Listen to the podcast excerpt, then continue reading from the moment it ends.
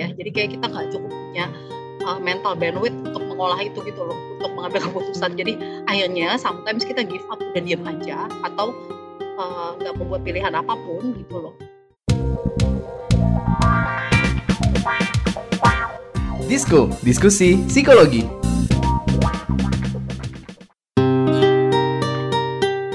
Halo Warrior, selamat datang kembali di podcast Disco, diskusi psikologi persembahan kantor berita radio KBR bareng komunitas Into the Light Indonesia. Hapus stigma, peduli sesama, sayangi jiwa. Apa kabarnya nih Warriors? Balik lagi bareng gue sekarang ada Abizar di sini mendekati akhir tahun dan pastinya gue nggak sendirian gue bareng teman gue kali ini ada Don. What's up Don? Gokil, gokil, gokil. Jar.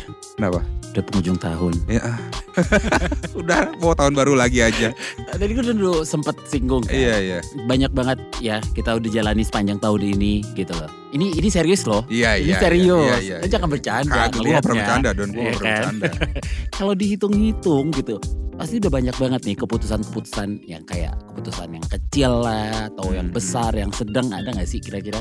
Ada sih banyak ada sih. ya. Banyak yang terjadi dengan gue di tahun 2022 ini. Kadang kayak gimana kadang tuh? capek, kadang bingung gitu. Widih, kayak ini ya udah kayak bos besar kali kau. enggak, gitu enggak. ya. Jadi tuh apa ya? Hari-hari tuh banyak banget yang kita hadapin nih sama pilihan-pilihan Ya. yang mesti kita ambil gitu. Hmm, Contoh, jadi nyokap lagi keluar, lagi nggak ada masakan di rumah. Oke. Gue mau makan, beli makanan, udah muter-muter. Hmm. Kayak, aduh, nggak tahu pengen makan apa ya. Udah gue balik lagi bikin telur dadar pakai kecap. Hmm. nggak jadi beli apa-apa. Oh udah pusing dulu mau beli Iya, apa? Akhirnya iya. jatuh pilihan ke Bener. gitu. Oh, Iya.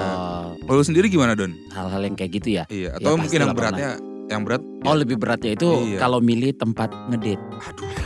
iya. Iya bener sih. Apalagi kalau di job terserah mau gimana lu? Bener sih, bener Iya nggak sih? Iya, iya. Iya. Tapi tuh hal-hal kayak gini tuh nggak cuma terjadi pas jam makan siang aja ya. Kayak Masa sih? ada kayak yang sepelenya mungkin kayak kita mau pakai baju apa, kayak Iya. lu bilang mau ke mana, mau ngedate ke mana, Eh. style kayak apa. Kayak sampai mau belanja suka bingung kayak yang murah yang mana atau misalnya ada diskon atau enggak gitu. Jadi kalau dipikir-pikir agak berat ya kehidupan ini. Bener, ya. bener, bener, bener. Tapi salah satu keputusan yang paling berat sih menurut gua ya itu kalau posting foto di medsos. Kayak nggak lu banget sih dari tampilan.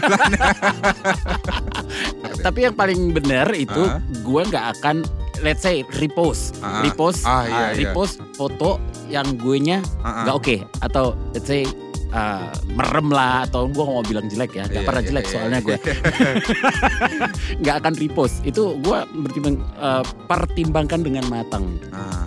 segitunya gue. Tapi kalau misalnya udah kayak gini sih Don, kayak udah mesti waspada sama namanya decision fatigue nih gitu. Ah ini nih yang gue suka Iya. dari disco nih ada, aja, ada aja istilah baru. Apalagi si bizar itu. Nah, nah gue juga gue juga baru denger nih decision fatigue. Cuman kalau misalnya dari kita artiin dari Google Translate sih ya ini kelelahan dalam mengambil keputusan Don. Beuh, Gokil. berat ya, berat berat. Dan biar kita nggak salah arti nih, Ya. seperti biasa kita bakal nggak berdua doang dong. Mm, mm, mm. Kita bakal ada Kak Clara buat ngejelasin soal decision fatigue ini. Mungkin bagi pendengar setia Warriors pernah tahu Kak Clara atau pernah denger juga karena Hmm. nggak pertama kali nih kita bareng sama Kak Clara. Nah, buat yang belum tahu sama Kak Clara, kita kenalin dulu nih. Kita bareng sama Dr. Clara Moninka, SPSI, MSI. Beliau merupakan seorang dosen prodi psikologi dari Universitas Pembangunan Jaya. Halo Kak Clara.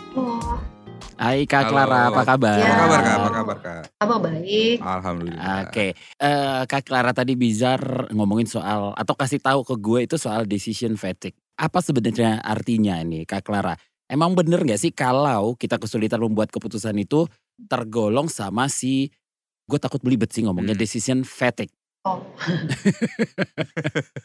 ya decision fatigue ya Ya. Hmm. sebenarnya nggak nggak nggak salah sih tadi yang dijelasin kalau decision fatigue itu kan sebenarnya adalah kondisi ya di mana eh, kita tuh kewalahan atau overload secara mental karena memikirkan terlalu banyak pilihan atau choices ya. Terus Hmm. kemudian Hmm. akhirnya in the end akhirnya bisa mempengaruhi kemampuan kita dalam membuat keputusan yang tepat karena kita wa- kewalahan ya. Ini sebenarnya bisa dijelaskan dengan eh, the paradox paradox of choice gitu ya, artinya paradoks pilihan. Jadi seharusnya ada sesuatu yang kita nggak perlu pikirkan sampai sebegitunya, tapi kemudian in the end berakhir dengan kok jadi uh, a lot of planning, a lot of thinking gitu ya.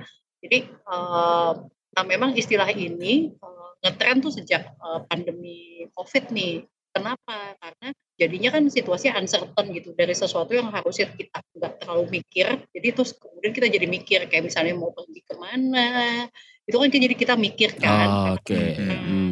Terus uh, misalnya mau makan apa, itu bersih nggak ya, oke nggak ya, entah aman nggak ya, gitu loh. Jadi itu aja jadi kemudian kita mempunyai banyak dan banyak jadi banyak pilihan dan masih punya banyak planning gitu. Jadi hmm. sebenarnya situasi uh, ini sih situasi pandemi ini yang kemudian uh, lebih mendorong terjadinya apa ini ngetrennya mempopulerkan istilah benar, ini benar, gitu ya, benar. ya Kak Clara ya. Ya, gitu.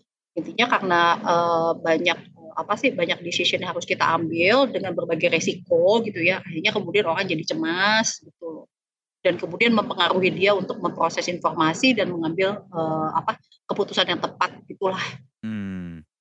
Nah, Kak Clara, decision fatigue ini uh, termasuk dalam gangguan psikologi nggak sih Kak? Oh, sebenarnya sih kalau decision fatigue-nya nggak masuk uh, gangguan sih, jadi hmm. itu cuma kondisi ya, bisa ah, iya, uh, iya. temporarily juga gitu, nggak harus selalu. Cuma uh, di uncertainty world ini sama nah itu kita banyak mengalami hal tersebut ya kan? Tadi soalnya kan dari yang tadinya nggak terlalu banyak ambil keputusan atau nggak terlalu banyak mikir jadi akhirnya ada yang perlu dipikirkan gitu. Jadi sebenarnya kan nggak gangguan sih itu juga bisa kita eliminate sebenarnya atau kita latih untuk supaya nggak uh, nggak terjadi decision fatigue uh. gitu. Jadi uh, nah memang ketika decision fatigue tadi yang seperti sudah dijelaskan kita akhirnya agak susah untuk mengambil uh, keputusan atau kita jadi punya decisional paralysis gitu ya. Jadi uh, jadi bingung. Akhirnya kemudian kita diam aja atau kita mengalami yang namanya uh, depleted self control ya. Jadi kita jadi malah menghindar gitu loh. Hmm. Jadi harusnya bisa ngambil keputusan tapi akhirnya ah udah deh nggak jadi gitu. Jadi bisa jadi gini kayak misalnya contoh ya melihat makanan di Grab Food gitu loh kan banyak banget yeah, gitu. Yeah, yeah. Hmm. Nah in the end setelah kita milih-milih-milih-milih akhirnya kita ah udah deh goreng telur aja gitu atau makan indomie aja gitu karena bingung ya habis akhirnya mau milih yang mana atau kita akhirnya kembali kepada keputusan awal kita yang sering kita beli yang apa sih gitu loh akhirnya uh. tadi tuh kita wasting time untuk memilih sesuatu yang akhirnya uh, membuat kita tuh lelah sendiri gitu loh kayak kayak itu sih kayak contohnya aja ya jadi kayak kita nggak cukup punya uh, mental bandwidth untuk mengolah itu gitu loh, untuk mengambil keputusan. Jadi akhirnya sometimes kita give up, udah diam aja atau nggak uh, membuat pilihan apa pun gitu loh. Gitu. Ada dampak yang perlu diwaspadai lagi nggak sih kak selain kayak kita paralyzed gitu nggak bisa nentuin pilihan atau ujung-ujungnya balik lagi ke pilihan awal gitu? Uh, ya dampaknya kalau misalnya terus-terusan begitu ya, artinya kalau, uh, dalam hal tertentu bisa dalam pekerjaan atau mengambil keputusan yang penting gitu kan, itu jadinya merugikan kita ya. Terus Benar benar. kemudian bisa juga mengarah ke anxiety atau kecemasan. Artinya apa sih, tiap mau ngambil keputusan kok jadi cemas ya, takut ini, takut itu gitu. Nah itu, Oh, uh, yang perlu kita aware of ya. Jadi, uh, apa, uh, apa sih, bukan hanya mengenai, uh, waktunya yang lama, tapi kemudian akhirnya kita ambil keputusan apa enggak ya gitu. Akhirnya kalau itu penting buat kita kan akhirnya kita sebenarnya mesti ambil nggak cuma diam aja gitu. Nah biasanya itu juga terjadi kalau memang kita nggak uh, paham kondisinya atau kita tidak punya pengetahuan yang lebih mengenai hal yang harus kita putuskan. Itu kemudian akhirnya kita jadi kebingungan sendiri gitu. Nah hmm. makanya kalau uh, ada baiknya kita bila mau mengambil keputusan gitu ya uh, dalam hal apa pun lah paling enggak kita udah mempelajari uh, sebenarnya hal yang kita fokuskan itu apa uh, dan kenapa dan kita bisa jadi bisa eliminate beberapa pilihan gitu. Uh, ini tuh cuman sekedar fase atau bisa bakal balik lagi sih kak kayak kesulitan buat ngambil keputusannya ini kak?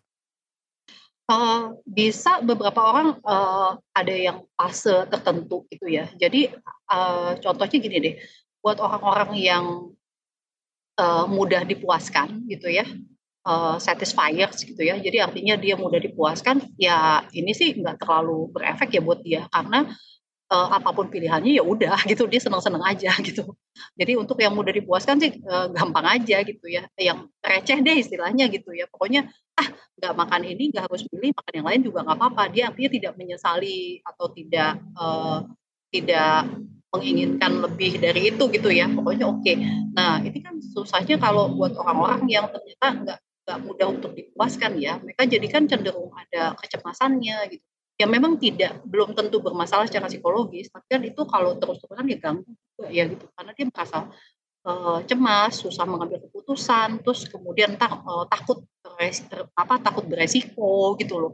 Nah, sedangkan kan dalam hidup ya memang selalu ada resiko ya gitu. Jadi nah itu susahnya kan gitu atau ada orang lain yang berpotensi misalnya gini uh, apa berpotensi memang secara mentally dia memang tidak terlalu sehat. Nah, itu nah orang-orang yang demikian akan rentan tuh kalau misalnya mengalami decision fatigue ini gitu. Kalau untuk orang lain ya jangan-jangan cuma fase aja sih bisa gitu.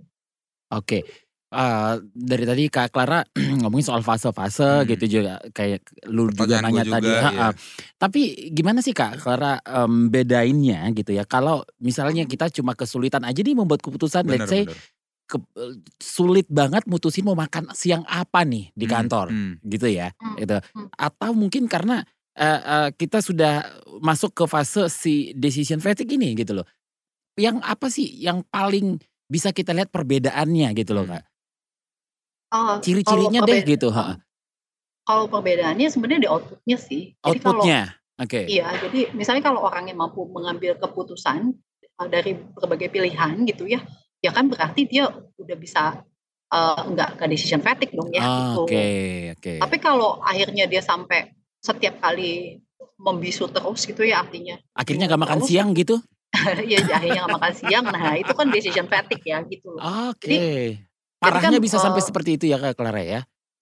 Uh, ya bisa sih okay. for certain people ya maksudnya nggak ah, nggak okay. semua sampai segitunya yeah, karena yeah. kan keputusannya juga uh, keputusannya juga tergantung ya apakah semakin beresiko mm. semakin berat mm. terus pengetahuan dia mengenai hal tersebut semakin uh, sedikit nah itu kan juga bisa mempengaruhi apakah akhirnya orang tersebut mengambil keputusan yang tepat intinya kan kalau kayak makan itu kan nggak terlalu efeknya nggak terlalu besar jadi mungkin mungkin loh uh, mungkin aja dia akhirnya bisa makan apa pun atau ya udah ah. deh pilihan yang mana aja gitu okay. tapi kan uh, pada pada kasus lain kan nggak bisa berbeda gitu. Gak sesimpel memilih makan siang gitu ya?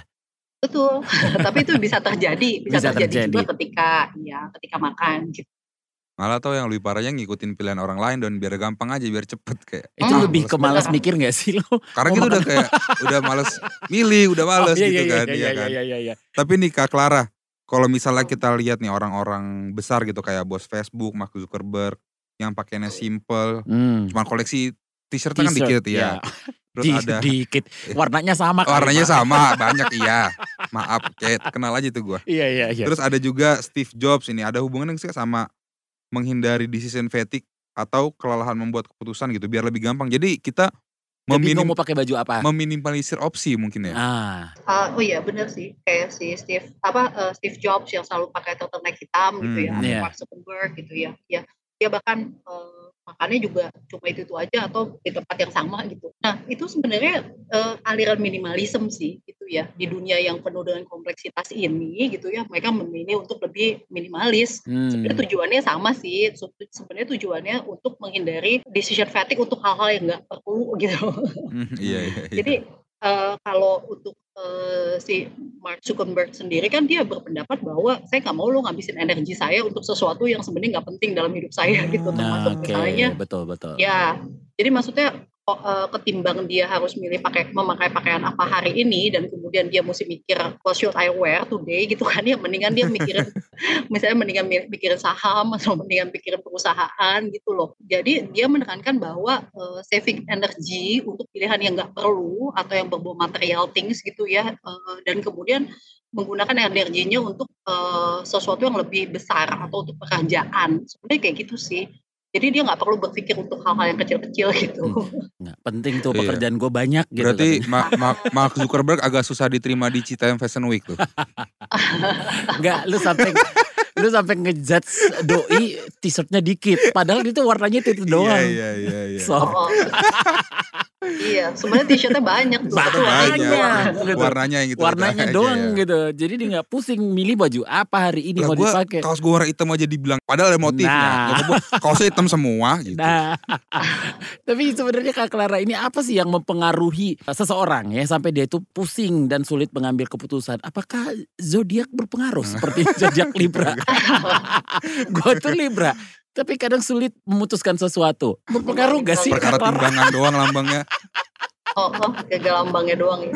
Nah, sebenarnya tuh kalau kita sulit eh, mengalami decision fatigue itu biasanya karena eh, dasarnya itu lebih ke kita tidak memiliki pengetahuan men- mengenai sesuatu tersebut. Jadi Oh, kebingungan Oke. karena memang pengetahuannya sangat minim atau malah nggak tahu. Disuruh milih sesuatu yang nggak tahu terus gimana ya? Bingung kan jadinya Hmm. gitu. Jadi eh, kalau misalnya kita eh, punya knowledge eh, tentang itu pasti akan lebih mudah. Kayak misalnya ya chef disuruh milih bumbu masakan yang tepat gitu loh untuk masakan India ya dia cepet gitu nggak usah decision fatigue. Hmm. Tapi kalau misalnya eh, orang lain gitu misalnya mahasiswa saya disuruh kan dia ah eh, apa ya ah, banyak banget kayaknya bumbu masak gitu loh. Jadi malah Hmm. terus nggak punya apa nggak punya knowledge sama sekali tentang hal tersebut makin sulit. Berarti kan nggak tahu resikonya nggak tahu sama sekali gambarannya. Nah itu makin sulit sebenarnya. Eh, tapi kalau punya pengetahuan itu sebenarnya akan lebih memudahkan dia untuk memilih yang mana yang lebih penting atau yang mana yang lebih jadi prioritas. Sebenarnya bisa. Terus kemudian eh, takut akan penilaian orang lain. Itu juga bisa membuat orang jadi eh, bingung dalam mengambil keputusan yang banyak. Bisa jadi karena egonya gitu loh. Terus kemudian karena gengsi misalnya eh, mau milih makan apa ya mau milih baju kayak apa ya gitu. Terus eh, takut resikonya. Nah itu juga bisa menyebabkan orang jadi mengalami kesulitan ketika mengambil keputusan. Tapi Hmm. balik lagi ya itu maksudnya keputusan yang diambil apa pada stages apa gitu loh. Jadi eh, semua orang biasanya bi- juga bisa ngalamin hal seperti ini sih gitu tapi eh, terus-terusan kah durasinya kah gitu ya intensitasnya dan eh, dan seberapa sering lah begitu ya gitu Hmm. Berarti ya zodiak gak berpengaruh ya. So- enggak, enggak, enggak. kayaknya enggak deh Oke, seru banget obrolan kita tapi sebelum berlanjut kita break dulu ya. Disko, diskusi psikologi. Oke Google, cariin apa yang lagi trending sekarang dong. Yang lagi viral, yang lagi hits. Aduh kamu ini tahunya cuma nyur doang. Lah, dia nolak. Aku bilangin Siri nih. Ya sudah-sudah jangan ngambek dong. Kamu cukup buka KBR Prime titik ide, lalu cari what's trending. Semua dibahas tuntas dengan narasumber yang kredibel, jadi bisa buat referensi kamu. Wah iya nih, keren banget ya. Setiap hari lagi. Betul, dari Senin sampai Jumat. Jangan lupa hanya di KBR Prime titik ide atau di aplikasi podcast lainnya. Makasih ya Mbah Google. Hei kamu ini, saya masih gadis, kenapa dipanggil mbah? KBR Prime, podcast for curious mind. Come on yo. Buat yang sukanya berhoax, you better listen to this one. Check this one out yo. Hati-hati kalau baca kabar. Hoax, Jangan langsung disebar kabar yang hoax, Kalau mau tahu kabar benar atau hoax, Dengerin cek fakta yang pasti bukan hoax, Dengerinnya setiap Senin yang jelas bukan. Hoax. Cuma ada di kbrprime.id. Dan aplikasi podcast lainnya. Hoax, Sudah cukup-cukup hoaxnya? hoax, Cukup Jaga emosi, tahan jari, verifikasi sebelum dibagi. Saya Aribo Sasmito, Ketua Komite Pemeriksa Fakta Mafindo. KBR Prime, podcast for curious mind. Disko, diskusi psikologi. We are back Warriors, kita bakal lanjutin lagi nih obrolan soal seputar decision fatigue bareng gua dan Don dan Kak Clara pastinya. Yes Nah, Kak Clara nih, untuk mengantisipasi kepusingan akhir tahun nih buat orang-orang yang pengen tahun baruan, si kelelahan yang si kelelahan memutuskan ini biasa bisa dihindari nggak sih Kak? Apa mungkin ada tips-tipsnya gitu? Ya kepusingan di akhir tahun ya. Pusingnya kalau nggak punya mau- duit mau- ya. Iya. dia. Nah, udah itu paling bener. Udah udah ajakan udah banyak nih mau pilih yang mana cuman duit kagak ada-ada gitu kan. Iya, kalau uang yang ada mah apa aja juga dipilih kan. Iya, ya. iya, iya, iya. Sebenarnya kalau mau nggak lelah gitu ya memutuskan, sebenarnya sebenarnya gampang sih kalau tadi udah ada contoh Mark Zuckerberg, Steve Jobs gitu ya. Sebenarnya make it simple. Make it simple. Bikin- Setuju. Hmm. Ya. Iya, bikin minimalis gitu ya. Artinya bikin prioritas apa yang penting untuk kita gitu. Jadi kalau pernah tahu bukunya Mark Manson nggak? Oh iya iya iya iya. iya. yang apa sih? Yang subtitle eh, itu ya? Ya, subtle art of not Oh, using subtle. a F word aja. gitu. ah, ya. Subtle, oke. Eh, jadi kan dia bilang tuh apa eh, jangan terlalu apa sih give them Iya iya uh, iya. of everything gitu ya. Jadi justru kan dia bilang tuh kalau kuncinya hidup yang baik itu a good life itu kan malah kita jangan terlalu mempermasalahkan banyak hal gitu. Semakin banyak yang kita permasalahkan gitu, jadi semakin kita nggak fokus dengan sesuatu yang sebenarnya eh, penting untuk kita. Jadi lebih baik kita eh, fokus aja apa yang penting gitu loh. Misalnya, jadi dibikin make it simple. Wah, Kan ini enak. kuat banget nih kalau ada Iya, iya, iya. video ini potong di TikTok nih. FYP nih, kata-kata Kak iya, Clara nih, dipotong-potong gitu dibuat teksnya. bener, bener, FYP bener, nih Kak. Clara, nanti gue buat deh ya. Iya Tapi- bikin ya.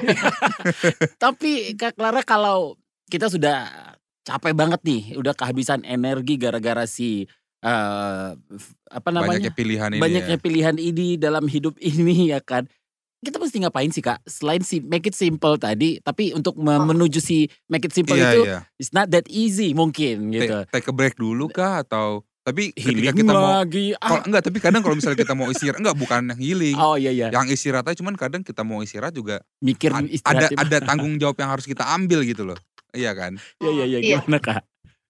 Eh, ya itu tadi ya coba eh, bikin eh, prioritas aja gitu loh jadi mana yang perlu mana yang perlu mana yang enggak gitu Hmm. terus kemudian ya itu take a break sebenarnya perlu sih kalau misalnya kita terlalu banyak mikir atau apa gitu ya take a break kan nggak harus seminggu gitu ya Iya, iya, maksudnya iya. lepas dari itu dulu sebentar gitu loh Eh, wait a minute deh gitu 10-15 menit gitu loh gitu bisa gitu sebenarnya kalau untuk pekerjaan ya gitu. Eh, terus kemudian kita bikin skala prioritas yang mana sih yang sebenarnya eh, lebih penting gitu. Jadi hal-hal yang nggak penting tadi ya terpaksa mesti kita eh, kalau udah keputusannya cepat kan terpaksa mesti kita Hmm. apa step aside dulu gitu kan ya gitu loh tadi Di bawah Jadi, tidur boleh nggak sih kak Clara?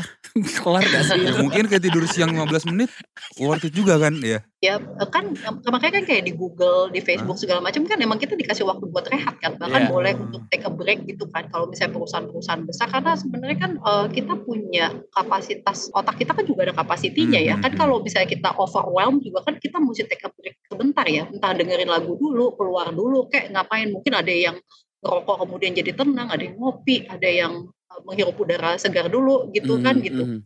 eh, itu kan ka- kadang-kadang eh, kita kadang keluar dulu, jangan-jangan terlalu overwhelmed gitu. Dan kemudian diharapkan setelah kita take a break sejenak, kan pas masuk lagi kita lebih segar, lebih fresh gitu. Hmm. Atau, nah itu dia mencari tahu dulu eh, sebenarnya apa yang harus kita putuskan gitu kan. Misalnya soal pekerjaan ya berarti cari tahu dulu itu apa sih, kenapa sih gitu. Jadi kita lebih jelas gitu. Atau bisa kita discuss sama orang lain gitu kan. Jadi sebenarnya itu sih daripada kita kehabisan energi. gitu. Jadi kalau udah kehabisan energi ya salah satu caranya paling mudah ya take a break lah for a while gitu. Jadi eh, ya itu tadi yang saya bilang bisa dengerin musik sebentar, tinggalin dulu sebentar gitu loh. Terus baru kemudian mulai cari informasi lagi. Hmm, itulah pentingnya dia mengambil nafas sesaat ya. Ah, gokil, gokil, penting gokil. loh. Kan kalau Iya, kerja juga makanya. gitu kan. Iya iya. Kadang Iya. ngop- ngopi dulu, kadang eh, apa dulu gitu loh. Kadang keluar dari ruangan dulu sebentar gitu loh. Hmm.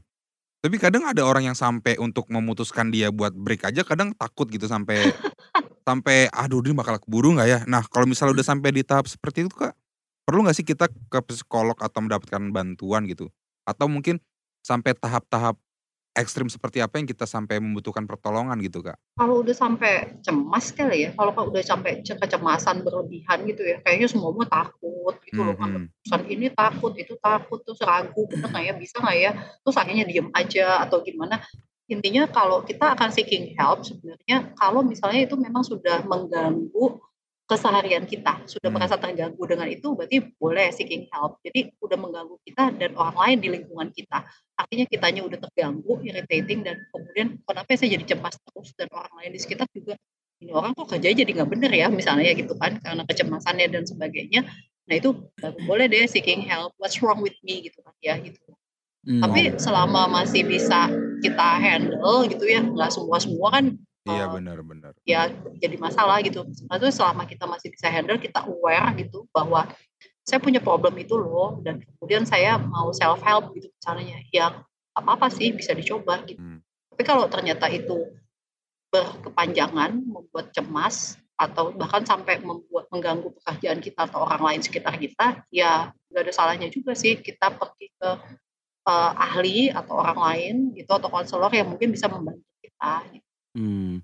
Gue masih terngiang-ngiang sih soal uh, si make it simple itu Ah, tadi ah. sama. Tapi memang nggak semudah itu sih menuju ke sana itu ya. Atau Iya. memang kita memang harus memaksa diri kita itu kayak Steve Jobs, Ah. kayak si Mark tadi yang Iya, selalu iya, iya. ber-t-shirt putih gitu. Iya. Biar ya udahlah make it simple aja Iya. kata kayak Clara make it simple Kita- ya udah. Kita harus belajar stoikism gak sih gitu. Hmm. Harus ngabisin baca buku filosofi teras gitu. Nah, Oh, perlu juga tuh.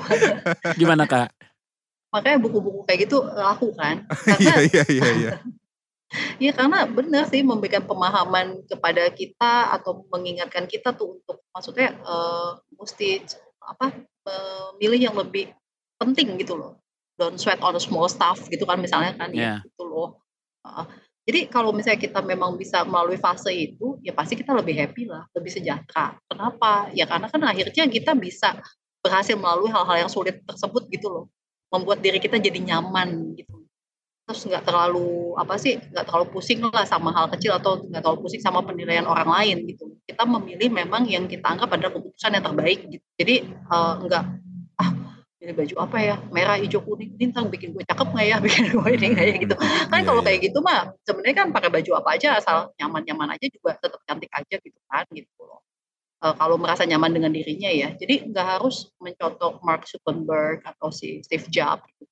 tapi misalnya menjadikan way of life mereka contoh ya nggak apa-apa gitu loh jadi nggak harus pakai bajunya abu-abu terus itu enggak tapi Iya, iya iya, aduh, iya, gitu, iya. gitu ya masa kalau dia model pakai baju abu-abu mulu gitu ya bener, atau bener. ya, Gue eh, sih gitu, lebih atau ke pusing mix and match-nya sih. Jadi pilih yang aman aja, hitam udah gitu. Iya iya iya. Ya Oke. Dan tapi way of life-nya boleh tuh Bener, yang bener. minimalis gitu loh ya, Jadi, ya. ah, ah, terus peduli pada apa yang penting seperti misalnya prestasi pekerjaan pokoknya hal-hal yang lebih eh, jadi concern lah gitu loh Hmm. jadi eh, itu mendingan eh, kalau way of life-nya boleh lah dicontoh gitu. nah terus mungkin nah itu bagus juga untuk baca buku self help gitu loh Aha. yang kayak filosofi teras oke gitu. Oh, Mark Manson punya oke gitu loh. Kadang-kadang kita gini loh, kita enggak sebenarnya, tapi kan nggak tahu tuh uh, karena sibuk kerja dan sebagainya. Kadang baca buku, ngobrol sama orang, itu kan jadi nambah wawasan baru, kita Bener dapat bener. insight, bener. terus kemudian diingatkan kembali. gitu. Jadi Hmm. kadang-kadang perlu juga buat self help. Oke. Seru banget obrolan kita kali ini ya, tapi sayang sekali waktu Ya. kita nggak cukup banyak. Padahal masih banyak. Gue masih ada curhat loh. Jangan. Ntar aja ya, ntar aja ya. Ntar aja Next ya episode ya. curhatnya. Next episode ya.